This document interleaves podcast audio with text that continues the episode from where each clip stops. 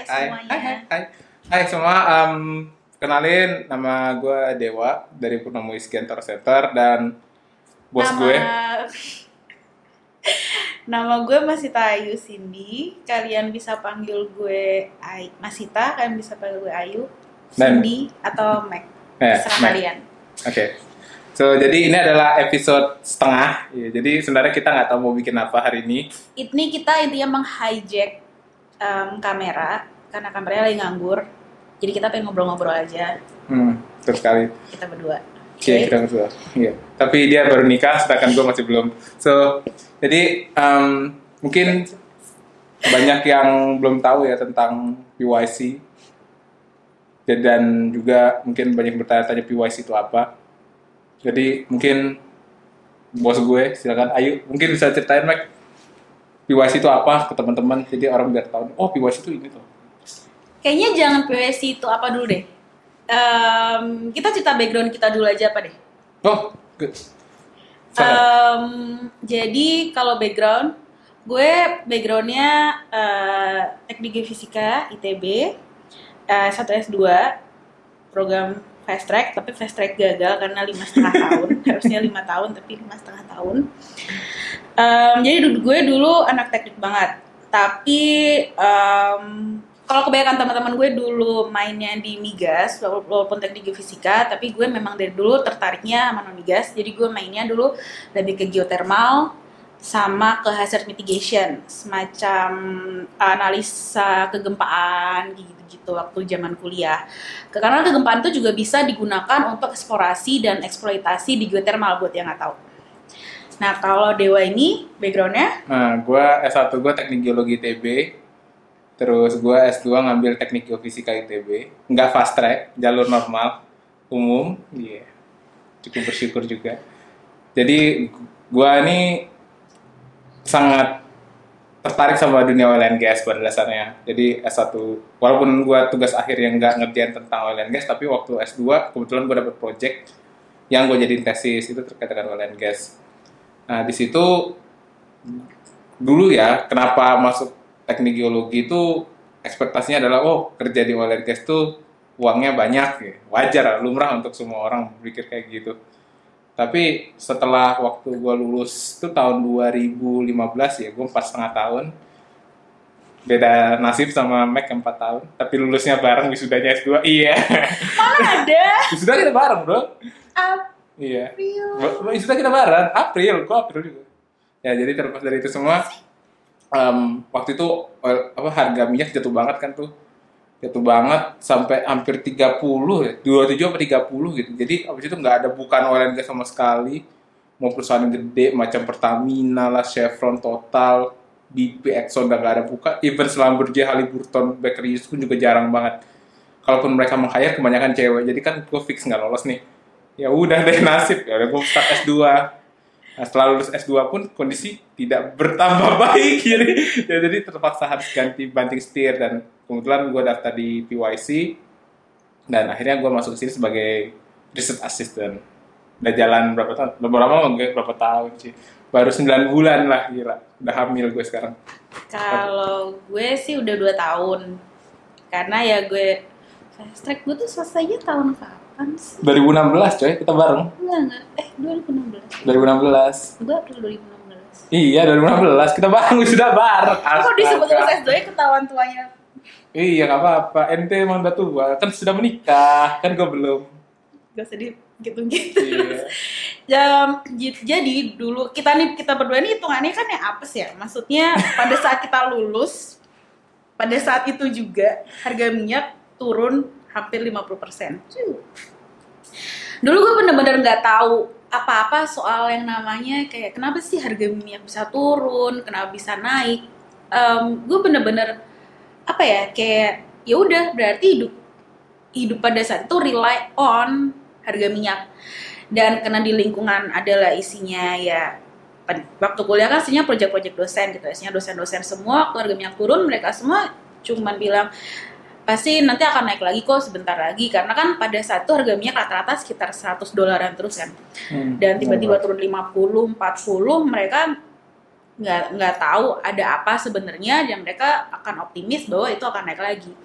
Jadi dosen bilang kayak gitu oke optimis uh, naik lagi. Ternyata sih enggak nah udah saya itu karena gue beda sama Dewa gue memang nggak main ke migas jadi gue masih banyak main di sektor gempaan gue main di geoteknik gue main di geoteknik uh, geoteknik itu butuh ini juga. Jadi misalnya mau bangun bendungan kita harus ngecek uh, apa sih aktivitas sesarnya untuk aman-aman. Jadi banyak project juga yang gue lakuin. Itu sebelum gue masuk ke PYC nah setelah masuk PYC puff berubah semua perspektif gue tentang energi. Jadi gue dulu bener-bener anak teknik banget karena lingkungan gue teknik sedangkan yang kita ngomongin masalah ekonomi, kita ngomongin policy, kita ngomongin sosial, itu di luar pemikiran gue sama sekali. Gue tahu bahwa pengembangan geotermal di Indonesia itu sangat lambat. Gue tahu itu sebagai anak teknik dan gue cuma bisa bilang memang apa ya?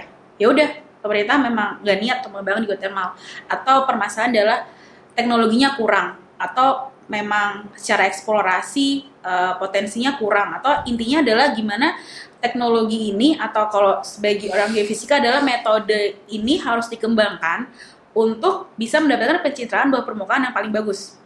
Itu yang gue tahu. Dan kenapa pengembangannya kurang adalah ya karena Indonesia uh, tidak bisa menggunakan teknologi itu atau orangnya kurang. Ya semacam itulah yang gue tahu. Nah setelah gue masuk di sini, gue baru tahu kalau energi itu sekompleks itu gitu. Maksudnya ternyata tidak teknologi penting, inovasi teknologi itu penting. Tapi ada hal lain lagi yang lebih penting dari itu, yaitu keekonomian, uh, kemudian regulasi, kemudian aspek sosial, hal kayak gitu yang ternyata tuh nggak gampang juga gitu untuk dilakuin. Apalagi kalau kita mau mengembangkan, let's say sekarang kan lagi terkenal renewable energy ya, mengembangkan renewable energy itu tidak serta merta ada teknologinya langsung bisa dikembangkan gitu. Tapi apakah teknologi itu uh, cukup ekonomis, terjangkau masyarakat, apakah kompetitif, kemudian apakah diterima oleh masyarakat, gimana regulasi yang mendukung, itu tuh sangat ternyata sangat berpengaruh sama pengembangan renewable energy di Indonesia. Atau atau selain renewable energy juga misalnya migas gitu. Kayak sekarang kan uh, migas dari ternyata ada split, terus uh, peraturan dibagi jadi gross split. Betul. Itu juga ternyata ngaruh banget gitu loh jadi hal kayak gitulah yang gue pelajarin selama ini di PYC hmm, jadi singkat cerita nih kayak ini selama ini termasuk pengalaman gue di PYC juga kurang lebih sama lah jadi intinya waktu gue masuk PYC ada perubahan sudut pandang jadi ketika gue waktu memandang sesuatu oh gue ngeliat kasus migas tertentu, gue sudut pandang A, misalkan IUR, oh kenapa teknologinya nggak ini sih, padahal udah bisa begini, begini, begini. Ternyata pas gue masuk ke PYC, jadi sudut pandangnya nambah, jadi keekonomiannya gimana nih, sosialnya gimana, terus kebijakan yang berlaku gimana. jadi ibaratnya kita sekarang punya sudut pandang yang lebih luas lagi, dan itu yang sedikit banyak adalah sumbangsi PYC yang gue rasakan gitu. Jadi kita di sini dituntut untuk memiliki sudut pandang yang seluas mungkin dengan mempertimbangkan banyak hal seperti itu. Jadi karena kita bahas lama kebanyakan tentang background ya, bosen pasti dengerinnya. Jadi gue tanya, jadi PYC itu apa?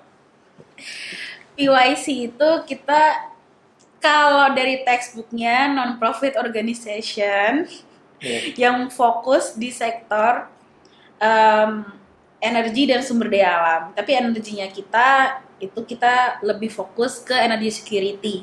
Jadi kita tidak membawa mempush uh, migas, mempush renewable energy, tapi yang kita fokuskan adalah bagaimana Indonesia bisa achieve energy security gitu. Karena percuma aja kalau misalnya um, apa namanya kita mempush satu atau dua jenis energi, tapi itu tidak mendukung energy security. Itu hmm. kalau menurut kita percuma. Jadi kita push semuanya, tapi yang kita dukung atau kita fokuskan adalah gimana uh, bisa tercapai energy security di Indonesia. Itu di POSC kita mainnya seperti itu.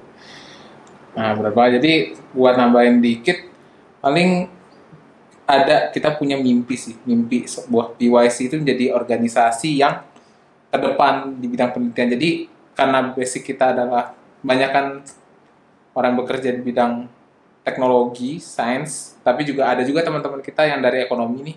Jadi kita suka come up dengan satu ide penelitian. Nah, itu yang selalu kita depankan sebagai motor penggerak dari PYC sendiri. Nah, gue juga pengen sharing kalau misalkan di PYC ini, kita berdua anak ITB, tapi di PYC ini cukup diverse.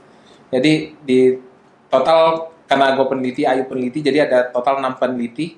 Nah, itu juga ada yang dari um, UGM, ada yang dari Delft, ada yang dari Wageningen yang kebetulan datang ke sini semua.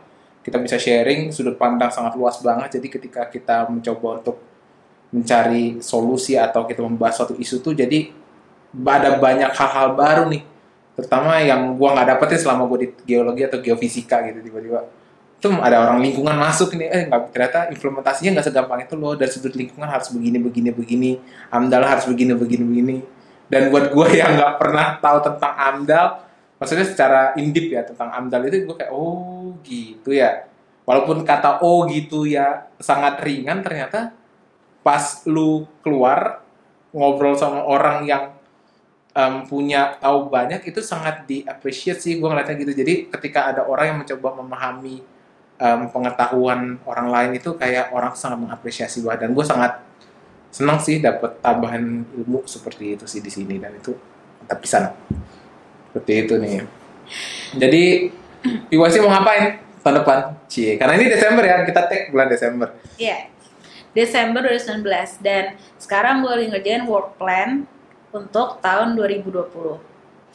Nah, sebelum ngomongin work plan 2020, um, gue mau sedikit share uh, concern yang gue lihat selama gue um, PY, di PYC untuk ke komunitas adalah bahwa gue tuh baru ngerasa kalau kayak ada semacam gap di un- bukan dia untuk ngebahas sektor energi.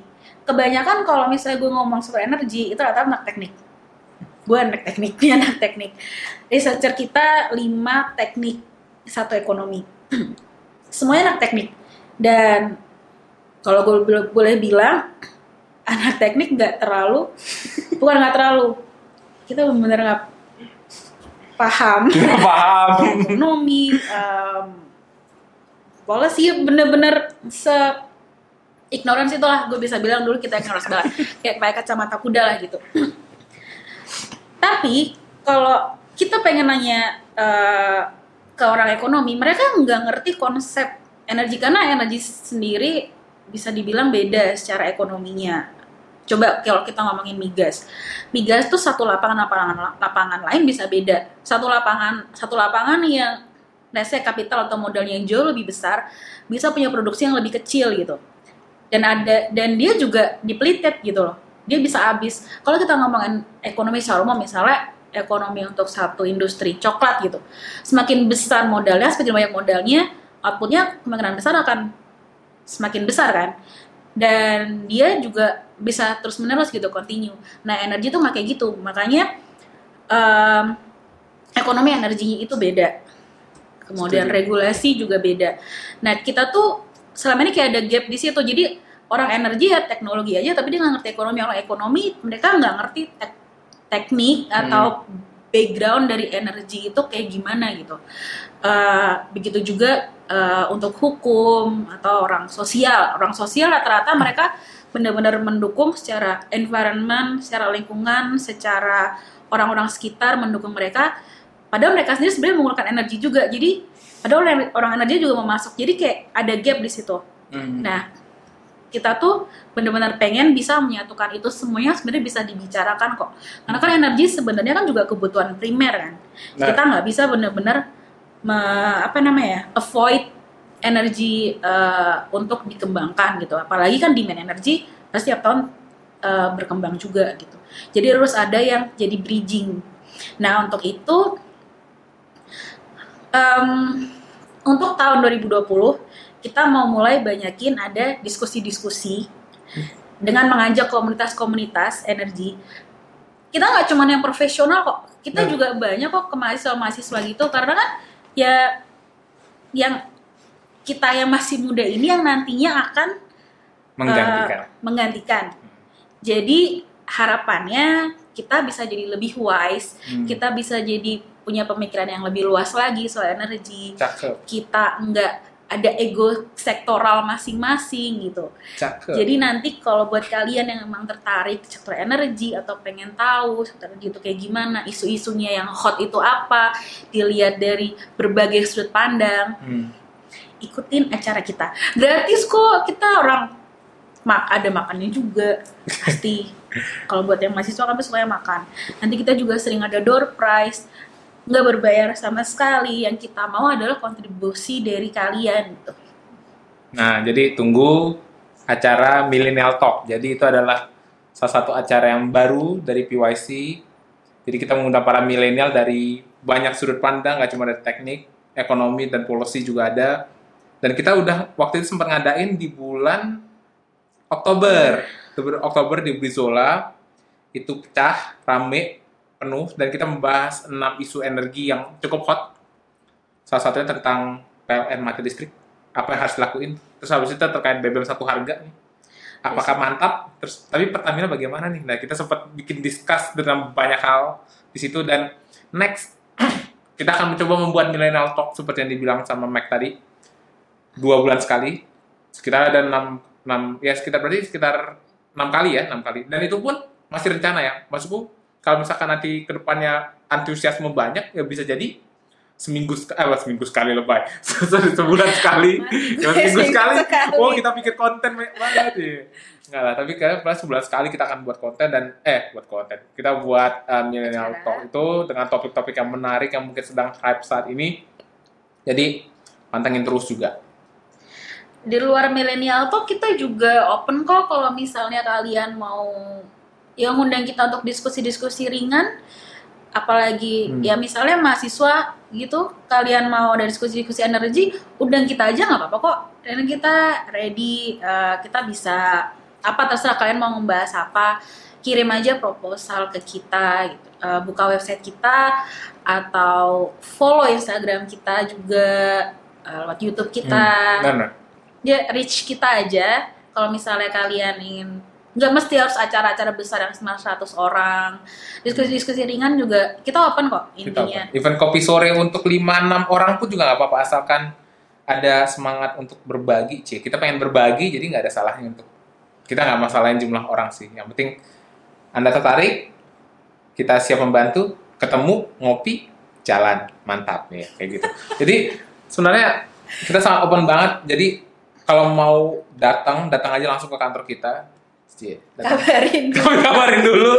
Takutnya malah kita nggak ada di kantor. Eh, jadi sangat kita sangat open banget kalau mau diskusi apa pun bisa. Gitu aja teman-teman. Jadi em, mungkin ini video yang cukup panjang. Ya, ya kita ngobrol yang nggak tahu sih ini paling 20-30 menit. Mungkin agak sangat boring. Tapi semoga nanti kalian tetap pantengin terus acara kita PYC Energy Drink dan next akan banyak banget isu yang akan kita bahas dari sisi migas, mau batu bara, terus EBT, apa pun yang terkait dengan sektor energi, termasuk dari ekonomi ataupun, kebijakan yang berlaku di Indonesia, serta masa depan kita akan seperti apa. So, pantengin terus kita, terus follow Spotify kita, dan nanti kita akan coba publish di Apple Music. music Ya, Apple Music. Dan yang pasti ini akan diupload di YouTube kita juga, di Purnomo Iskandar Center. Jangan lupa di subscribe. Oke, so sampai ketemu lagi di episode pertama. Iya, karena ini episode setengah. So, siap Bye. ciao. Hihihi. Thank you.